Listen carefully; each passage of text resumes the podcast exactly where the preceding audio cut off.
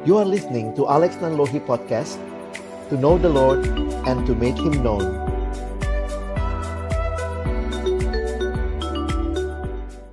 Kami berterima kasih Tuhan. Kesempatan yang Tuhan berikan bagi kami untuk datang memuji memuliakan namamu Dan tiba waktunya bagi kami untuk membuka firman-Mu ya Tuhan. Kami percaya firman-Mu adalah kebenaran yang akan menolong kami boleh hidup di dalam dunia yang gelap ini. Kami sungguh berdoa ya Tuhan tolong kami. Ketika kami sama-sama akan membuka firman-Mu, bukalah juga hati kami. Jadikanlah hati kami seperti tanah yang baik, supaya ketika benih firman-Mu ditaburkan itu boleh sungguh-sungguh berakar, bertumbuh dan berbuah nyata di dalam hidup kami. Sekali lagi berkati setiap kami, baik hamba yang menyampaikan, kami yang mendengar, Tuhan tolong kami agar kami pada akhirnya bukan hanya jadi pendengar, pendengar firman yang setia, tapi mampukan dengan kuasa pertolongan rohmu yang kudus, kami dimampukan menjadi pelaku-pelaku firman-Mu di dalam hidup kami. Kami menyerahkan waktu ke depan dalam nama Tuhan Yesus Kristus, Sang Firman yang hidup. Kami menyerahkan pemberitaan firman-Mu. Amin. Shalom, selamat malam. Saya panggilnya apa nih ya, teman-teman, rekan-rekan yang saya kasihi dalam Tuhan Yesus Kristus. Salam kenal. Saya Alex Nanlohi dan saat ini saya melayani di dalam pelayanan siswa dan mahasiswa Kristen di Jakarta. Dan kesempatan ini bersyukur boleh melayani teman-teman, rekan-rekan sekalian di dalam persekutuan ini.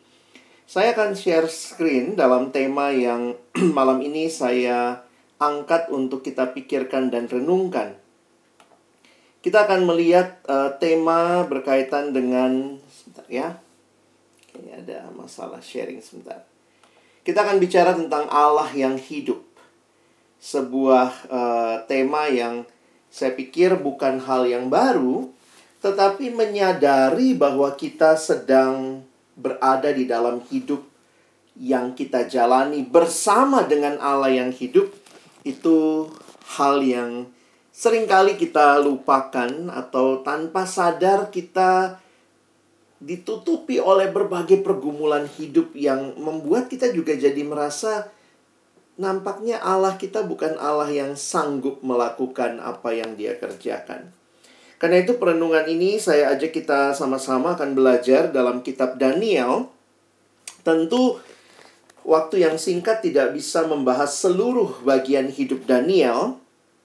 Tapi sebagaimana dikatakan di dalam Roma pasal yang ke-15 ayat yang keempat, sebab segala sesuatu yang ditulis dahulu telah ditulis untuk menjadi pelajaran bagi kita supaya kita teguh berpegang pada pengharapan oleh ketekunan dan penghiburan dari kitab suci. Jadi kita bukan hanya belajar sebuah kisah di dalam Perjanjian Lama, tetapi kiranya ini juga boleh memberikan kepada kita keteguhan, pengharapan untuk terus berpegang kepada janji-janji Tuhan. Salah satu yang menarik kalau bicara tentang Daniel, biasanya kita akan melihat integritasnya. Seorang yang uh, boleh dikatakan PNB ya, pegawai negeri Babel Kadang-kadang kalau bicara Daniel ini relate lah dengan kehidupan khususnya rekan-rekan sekalian. Karena kalau kita bicara misalnya Paulus, wah hamba Tuhan. Kalau bicara angkatnya Yesus lebih lagi, wah dia Tuhan begitu ya. Jadi kadang-kadang ketika membahas hal-hal yang berkaitan dengan hidup hamba Tuhan, wah banyak yang bilang, wah sangat ideal pak. Tapi waktu lihat Daniel, ini seorang pegawai, bahkan ya pegawai negeri bukan di Indonesia, bukan PNS, tetapi dia PNB, pegawai negeri di Babel, seorang birokrat. Ya, bukan orang yang uh, adalah nabi atau kemudian rasul kalau lihat perjanjian baru, tetapi dia terkenal dengan integritasnya. Integritas secara sederhana dapat diartikan dalam satu kutipan ini, integrity is doing the right thing when no one is watching. Tapi bagi saya yang menarik adalah bahwa bukan hanya no one is watching, karena bagi kita orang percaya, kita selalu sadar harusnya bahwa Allah yang kita sembah adalah Allah yang senantiasa menyertai kita and then always watching over us. Jadi justru karena ada Allah yang hadir dalam hidup kita, saya pikir buat orang percaya menjadi sebuah landasan utama why we need to have integrity. Jadi bukan uh, definisi ini saya coba artikan dari sudut pandang kekristenan karena tidak ada yang namanya no one is watching. Our life, hidup kita tuh bagi orang percaya, kita hidupnya itu di hadapan Allah. Jadi ini satu keyakinan iman kita. Nah, yang menarik adalah kalau kita lihat hidup Daniel, bagi saya bukan hanya integritasnya, tetapi karena dia hidup di hadapan Allah, maka yang menarik adalah Daniel ini mengenal siapa Allahnya. Dan itu yang kita bisa lihat sepanjang kitab Daniel. Kalau teman-teman nanti membaca kitab Daniel, kita bisa menemukan bagaimana kelihatan dengan jelas bahwa Daniel punya kesadaran tentang Allah yang dia sembah. Nah, ada satu bagian, saya cuma angkat satu ayat sebenarnya malam ini dari Daniel pasal 5. Jadi saya melihat dalam Daniel pasal 5 ini sebenarnya percakapan Daniel dengan Raja Belsasar. Jadi kalau kita membaca seluruh Daniel pasal 5, kita melihat Raja Belsasar ini menajiskan perkakas-perkakas yang dibawa oleh ayahnya Nebukadnezar waktu mereka menaklukkan Yerusalem. Pada waktu itu kalau ada bangsa berperang melawan bangsa, konsepnya adalah yang berperang itu adalah adalah dewanya. Jadi ketika dewanya orang Babel atau Babelnya menang, wah ini dewanya menang. Karena itu perkakas-perkakas dari rumah Allah dibawa ke Babel. Ditawan, ya ditaruh di kuil-kuil mereka. Nah, itu adalah gambaran bahwa Allahnya Israel kalah nih dengan Allah kami. Nah, nah lalu kemudian perkakas-perkakas dari rumah Allah itu dalam satu pesta dikeluarkan oleh oleh Belsasar. Lalu mereka makan minum menggunakan perkakas dari rumah Allah yang terbuat dari emas, uh, kayu, uh, besi begitu ya. Nah, pada waktu itulah kemudian Tuhan menampakkan punggung tangan yang menulis di dinding Mene Mene Tekel Ufarsin. Tidak ada yang bisa mengartikan apa sih artinya itu. Dan kemudian akhirnya dicarilah siapa orang yang bisa mengartikan. Dan akhirnya Daniel dibawa ke istana. Nah, ketika Daniel harus mengartikan itu, sebelum Daniel kasih tahu artinya, wah ini bagi saya menarik juga. Daniel rebuke the king.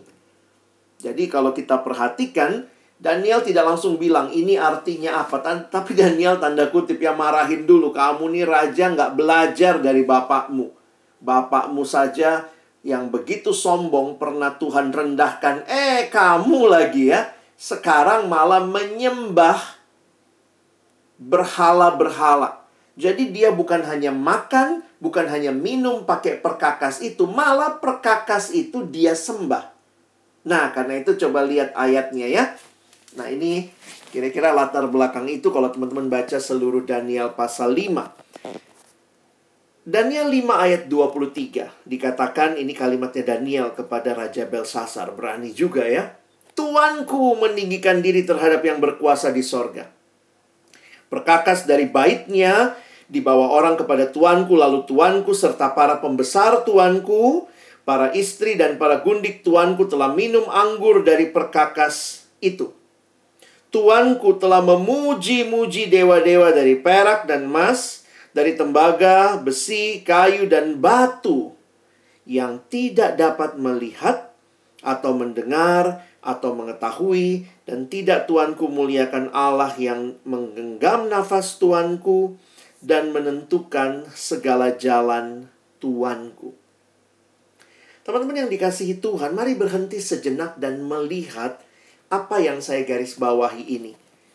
Memang ini adalah pengakuan-pengakuan Daniel tentang siapa Allah yang disembah oleh Belsasar dari perkakas-perkakas emas, perak, tembaga, besi, kayu, batu. Tetapi waktu saya coba renungkan dalam aspek yang positif, ternyata ini juga mengungkapkan keyakinan Daniel tentang siapa Allah yang dia percaya.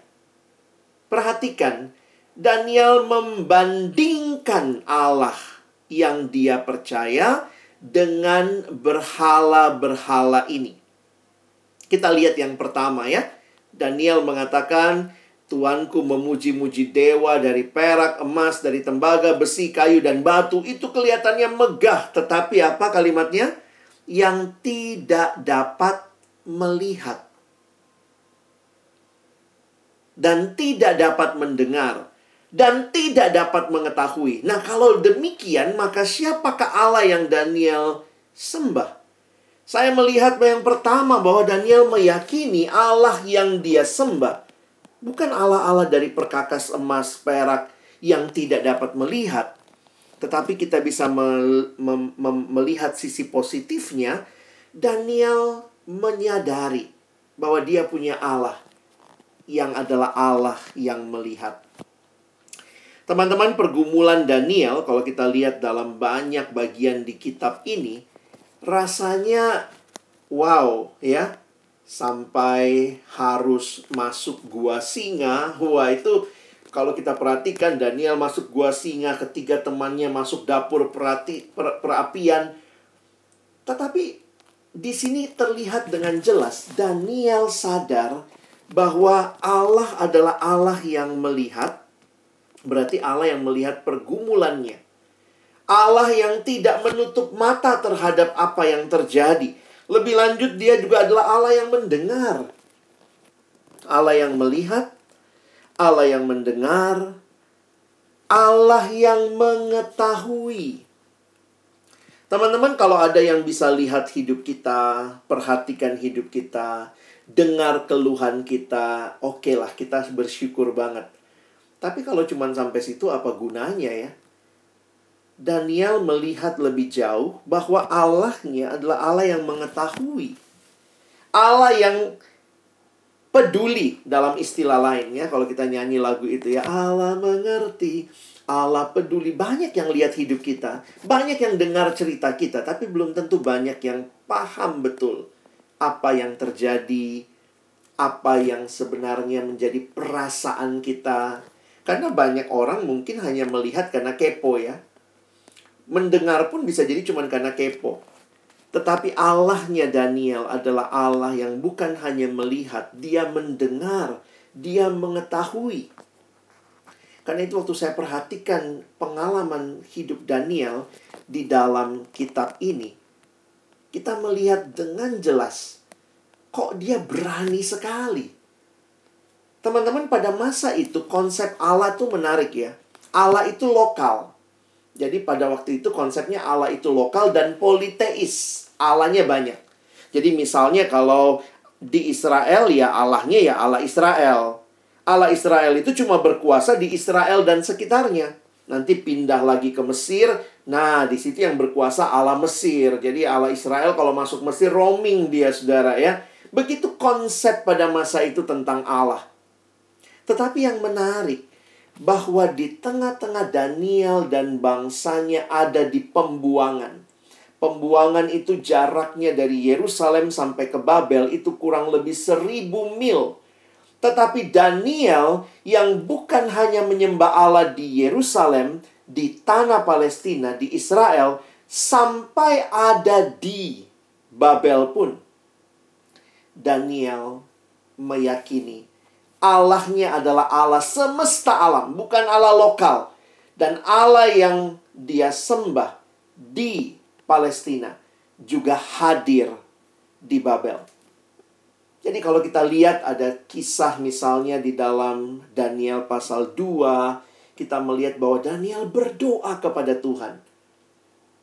Daniel dan teman-temannya mereka mencari wajah Tuhan. Mereka meyakini Allahnya adalah Allah yang melihat, Allah yang mendengar, Allah yang mengetahui. Lebih jauh lagi kalau kita lihat ayat tadi bicara apa? Allah yang menggenggam nafas hidup manusia. Mungkin kita pikir, wow berani banget Daniel masuk gua singa. Bagi saya ini keyakinan dia. Mungkin kita bilang, oh kok Daniel nggak takut mati ya? Karena buat Daniel, hidup mati itu bukan di tangan raja yang memasukkan dia ke gua singa. Bagi teman-teman Daniel, hidup mati itu bukan di tangan raja yang memasukkan mereka ke dapur perapian. Tetapi ada di dalam tangan Allah yang menggenggam nafas hidup manusia. Dan terakhir dikatakan dia adalah Allah yang menentukan jalan hidup manusia. Saudara yang dikasihi Tuhan, inilah Allah yang Daniel sembah. Dan ini bukan Allah lokal, bukan politeisme, bukan salah satu dari begitu banyak Allah. Tapi dia adalah Allah yang melampaui segala masa, melampaui segala lokasi. Dia Allah yang kekal, dia Allah yang hidup. Berhala-berhala hanyalah Allah yang mati, yang tidak bisa lihat, tidak bisa dengar, tidak bisa tahu, apalagi menggenggam nafas hidup. Bodoh banget percaya kepada berhala yang mati. Atau merasa seolah-olah jalan hidup ditentukan. Daniel bisa punya integritas. Daniel bisa menjaga hidup benar. Karena dia tahu bahwa Allahnya juga hadir di Babel. Dia Allah yang sama.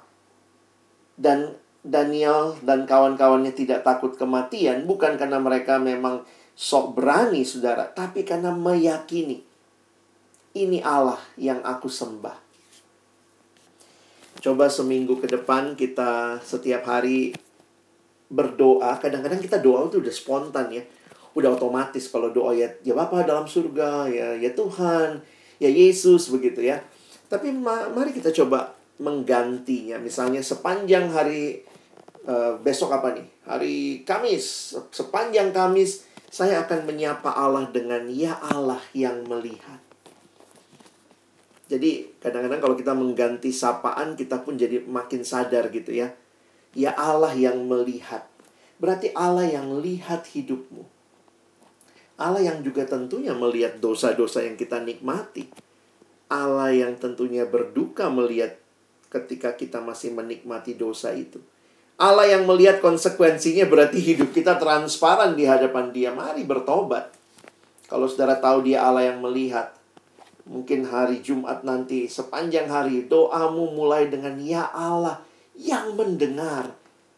Berarti tidak ada satupun doa kita yang Dia luputkan, terluput dari pendengarannya. Dia Allah yang mengetahui Hal yang mungkin teman-teman tidak bisa cerita kepada orang yang paling dekat sekalipun. Tapi sebuah pujian mengatakannya, dia yang mengenalmu jauh lebih dalam dari siapa pun.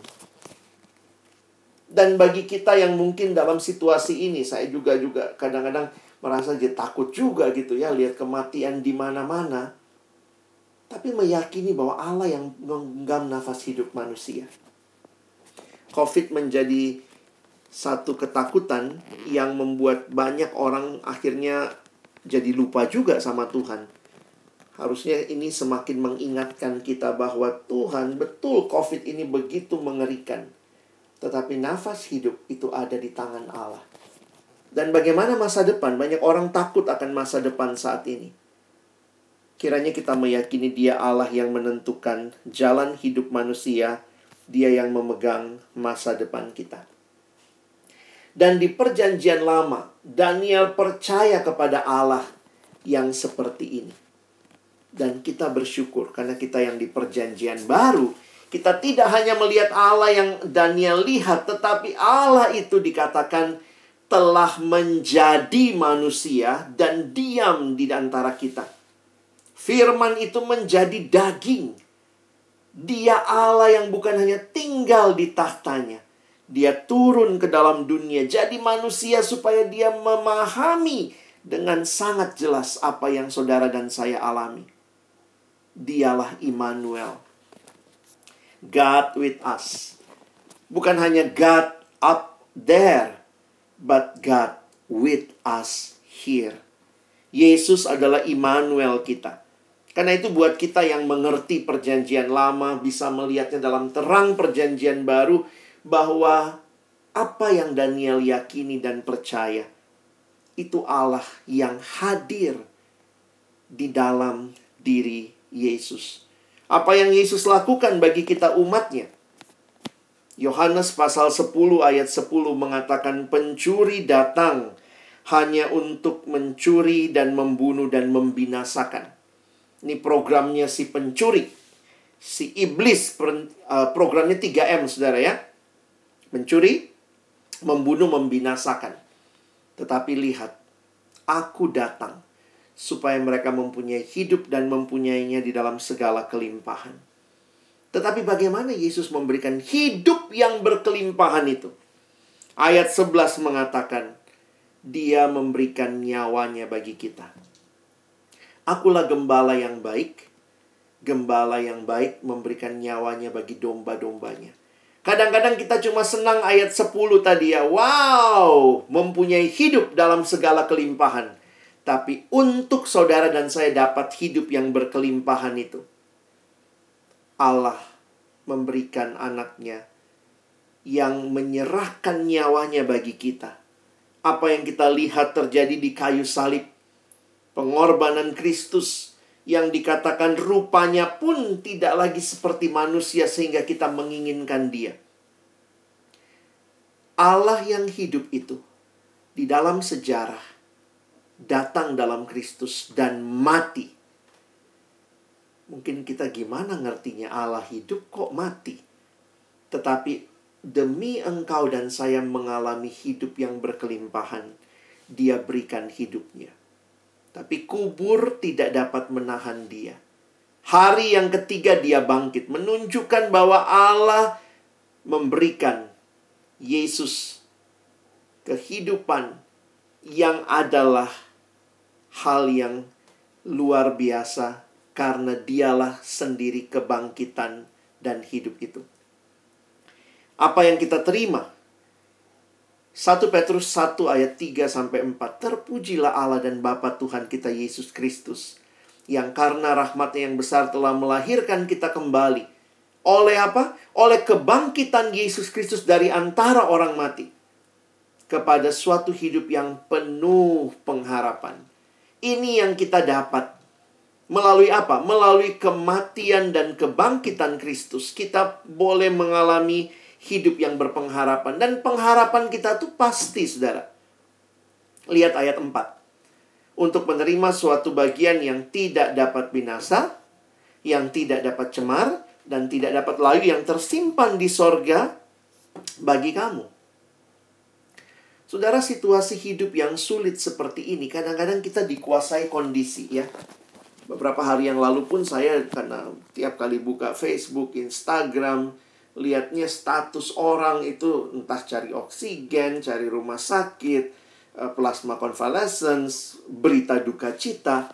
Rasanya situasi begitu mencekam, dikuasai oleh situasi, dikuasai oleh perasaan. Kok rasa-rasanya Tuhan ini lagi nggak sayang sama kita ya? Tapi waktu saya makin merenungkan, saya pikir hidup orang percaya tuh nggak dipimpin oleh perasaan kita dipimpin oleh firman Tuhan yang memberikan kepastian. Firman Tuhan yang memberikan kepada kita pengharapan. Kenapa? Karena Yesus sudah bangkit. We have a living hope because we have a living Savior. Betul, sering kali perasaan menguasai, tetapi kiranya kita kembali dituntun oleh firman. Karena itu pegang yang pasti, saudara ya. Kadang-kadang misalnya mengerti Tuhan baik dalam situasi seperti ini tuh gimana?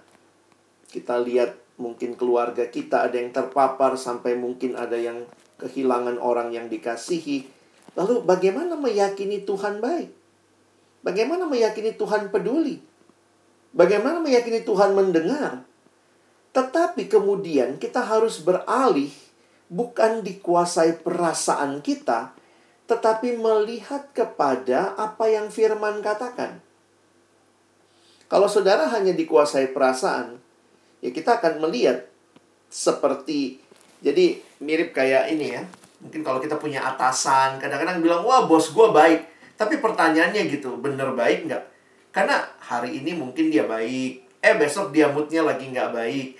Kadang-kadang tanpa sadar kita pikir Tuhan kayak gitu. Wah hari ini baik, besok nggak baik. Jadi Tuhan kayak bos kita, hari ini baik, besok nggak baik.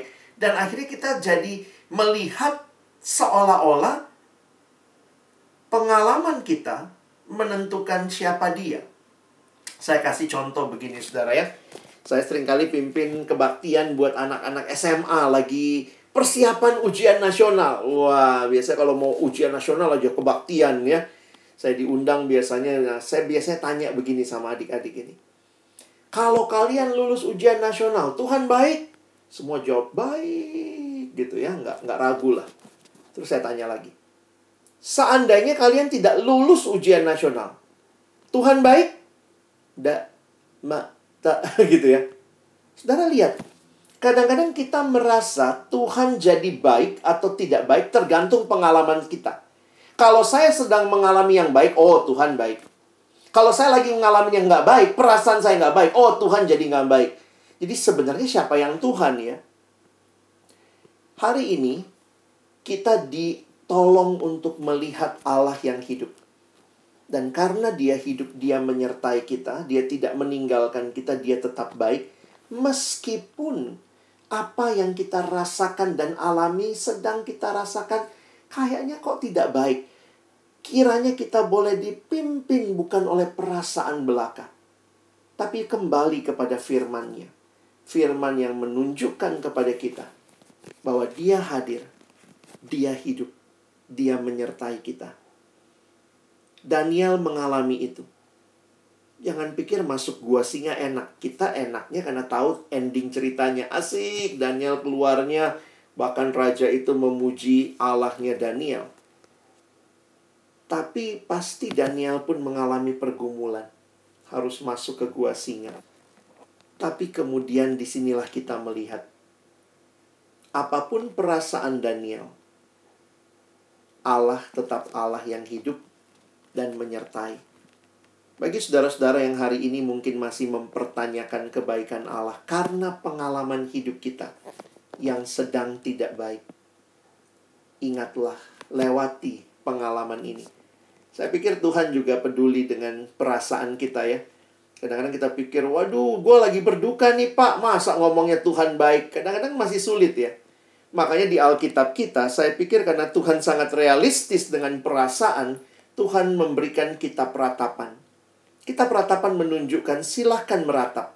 Karena pergumulan dunia ini, dosa yang telah membuat begitu luar biasanya pengalaman seperti kematian, sakit, penyakit. Kita hanya bisa meratap, Tuhan mengapa?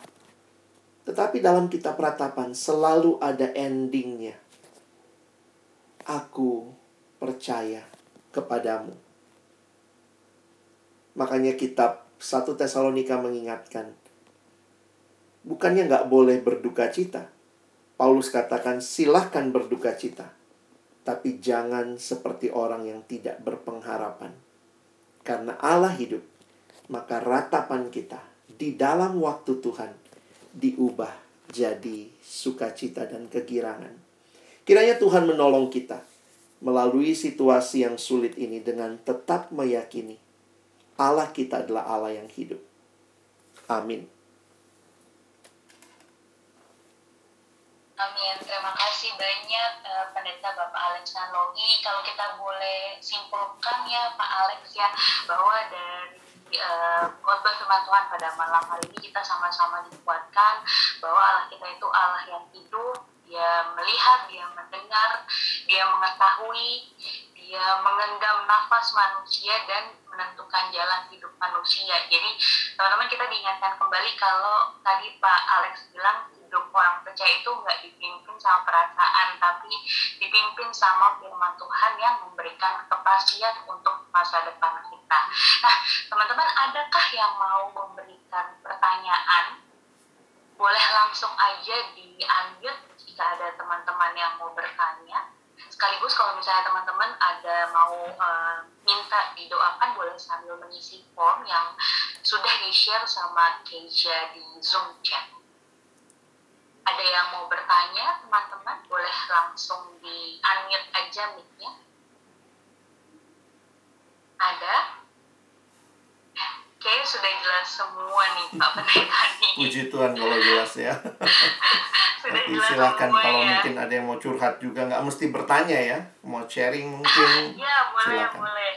Ada yang mau sharing teman-teman? Oh mungkin aku kali ya Pak. Iya, silakan. Yang boleh sharing. Iya. Jadi ini sebetulnya kelanjutan dari ceritaku di apa namanya di persekutuan doa terakhir. Jadi eh, di persekutuan doa terakhir aku eh, ada sharing bahwa keluargaku itu juga kena COVID gitu. Hmm, hmm. Nah tapi eh, apa namanya cukup panjang eh, pergumulan dan perjalanannya sampai kurang lebih satu bulan lah. Gitu. Hmm. Eh, puji Tuhan mama karena kebetulan aku nggak tinggal di rumah jadi yang yang kena covid itu papa mama sama adikku gitu Hmm.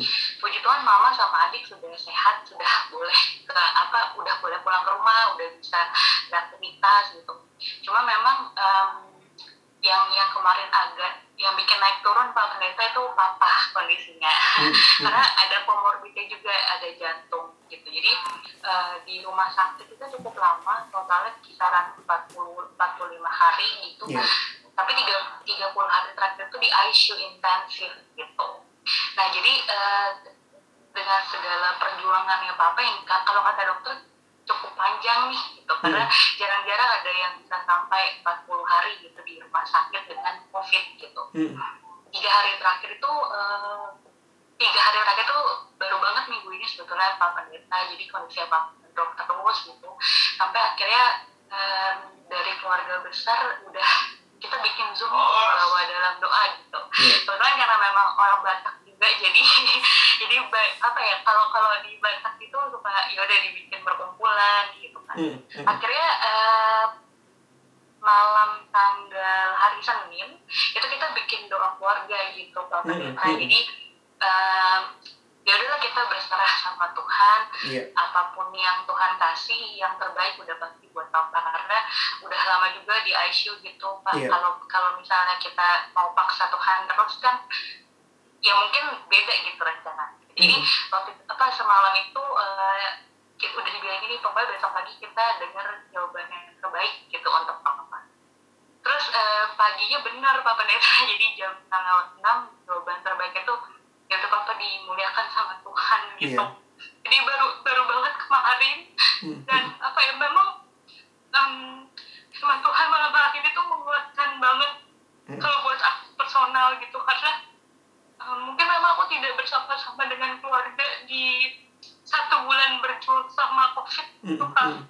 tapi bawa bawa doanya mungkin sendiri pak di di Iya. tempat sendiri gitu kan tapi em, meyakini dan percaya kalau memang Tuhan juga mendengar em, Hmm. melihat juga perjuangan dan pergumulan keluarga gitu sampai akhirnya ya udah jawaban terbaik yang memang diberikan gitu Pak Pendeta jadi eh, mungkin kalau Pak Pendeta bilang eh, jangan bawa perasaan itu tadi saya merasa agak tersindir gitu Pak Pendeta Iya. Karena, Iya. eh, memang emang termasuk masih baper gitu ya Pak Pendeta ya gitu kadang masih masih belum siap untuk ditinggal sama orang orang terdekat gitu. Tapi Hmm. eh, tadi firman Tuhan ini juga yang mau yang aku highlight gitu Pak Pendeta bahwa ya hidup kita itu ya dipimpin sama firman Tuhan yang yang membawa kepastian bahwa eh, janji Allah itu ya udah pasti akan digenapi kalau kita percaya dan juga dengar firman Tuhan gitu sih Pak Pendeta. Jadi terima kasih untuk firman Tuhannya pada malam hari ini dan juga teman-teman yang nyemangatin dari Zoom chat. Semangat yang yang mungkin masih berjuang juga sama COVID semoga bisa cepat Hmm. sembuh gitu.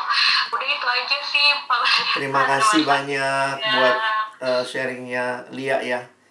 Thank you. Iya, Saya turut berduka cita juga tapi ingat bahwa duka cita jadi bagian kita bukan untuk kita lupakan kebaikan Tuhan tapi untuk makin melihat juga apa yang sedang Tuhan rencanakan ya. Salam Iya, untuk keluarga juga buat mama dan eh, adik ya atau saudara tadi ya. Iya. Iya betul. Terima kasih Pak Pendeta. Ada lagi teman-teman yang mau eh, mungkin bertanya atau sharing juga nih dari hasil firman Tuhan pada malam hari ini? Kalau sudah tidak ada, mungkin kita bisa lanjut aja ya, teman-teman. ya. Um, uh, Pak Pendeta tadi uh, saya juga sudah ada kirimkan beberapa yeah. permohonan doa dari teman-teman kita juga.